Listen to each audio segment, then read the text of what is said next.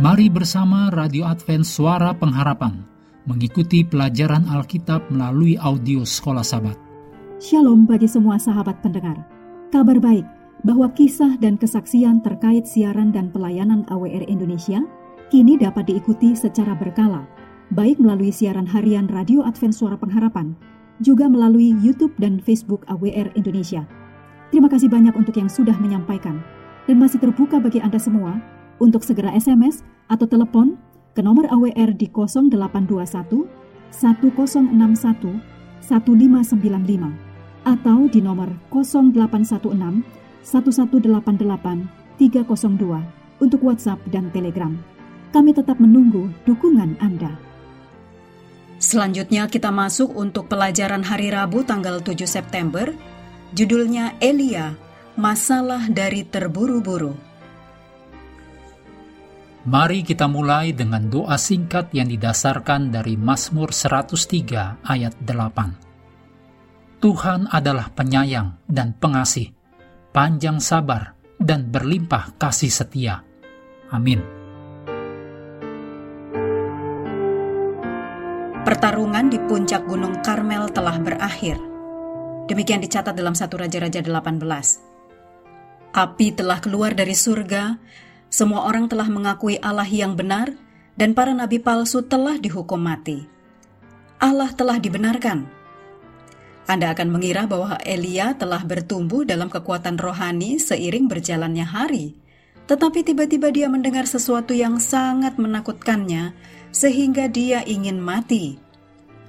Kisahnya dicatat dalam 1 Raja-Raja 19 ayat 1 sampai 9. Kata-kata terakhir dalam ayat-ayat itu mengkhawatirkan ditulis dalam ayat yang ke-9, maka firman Tuhan datang kepadanya. Apakah kerjamu di sini, hai Elia?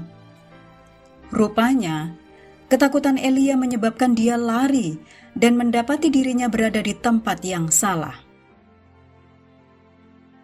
Setelah campur tangan Tuhan yang sangat berkuasa di Gunung Karmel, Elia seharusnya penuh dengan iman dan kepercayaan. Namun sebaliknya, dia berlari dalam ketakutan untuk keselamatan nyawanya. Pelajaran apakah yang dapat kita petik dari contoh buruk ini? Kisah ini menggambarkan sesuatu yang penting, yaitu ketika kita terburu-buru, kita dapat dengan mudah menemukan diri kita berada di tempat yang salah.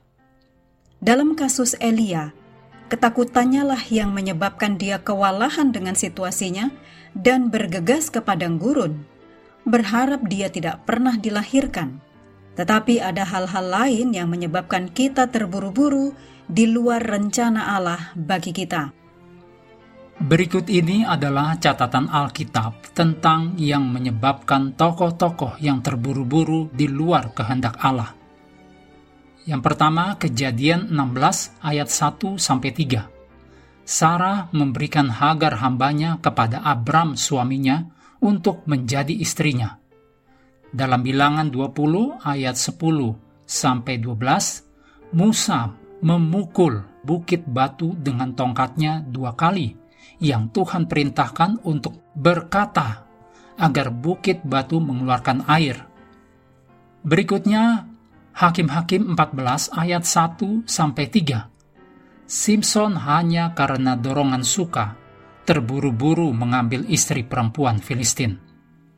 Selanjutnya dalam Matius 20 ayat 20 dan 21, Ibu Yakobus dan Yohanes minta posisi bagi kedua putranya di kanan dan kiri Yesus.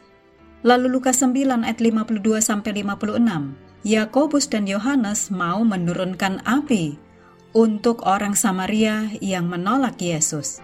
Dan dalam kisah 9 ayat 1, dicatat, berkobar-kobar hati Saulus untuk mengancam dan membunuh murid-murid Tuhan. Betapa mudahnya membiarkan hal-hal seperti ambisi, kemarahan, hasrat, kurangnya iman, atau semangat yang seharusnya bagi Tuhan menyebabkan kita terburu-buru ke tempat yang seharusnya tidak kita tuju. Tidak ada yang kebal terhadap bahaya ini Kuncinya adalah menumbuhkan iman yang percaya akan kebaikan dan belas kasihan Allah yang kita tahu mengasihi kita dan menginginkan yang terbaik bagi kita. Ini tidak terjadi secara otomatis. Iman mungkin merupakan anugerah, tetapi itu adalah anugerah yang perlu dipupuk, dipelihara, dan dijaga dengan baik. Mengakhiri pelajaran hari ini, mari kembali kepada ayat hafalan kita Galatia 5 ayat 22 New King James Version. Tetapi buah roh ialah panjang sabar. Hendaklah kita terus tekun mengambil waktu bersekutu dengan Tuhan setiap hari bersama dengan seluruh anggota keluarga, baik melalui renungan harian, pelajaran sekolah sahabat, juga bacaan Alkitab sedunia, percayalah kepada nabi-nabinya, yang untuk hari ini melanjutkan dari 1 Samuel pasal pertama. Tuhan memberkati kita semua.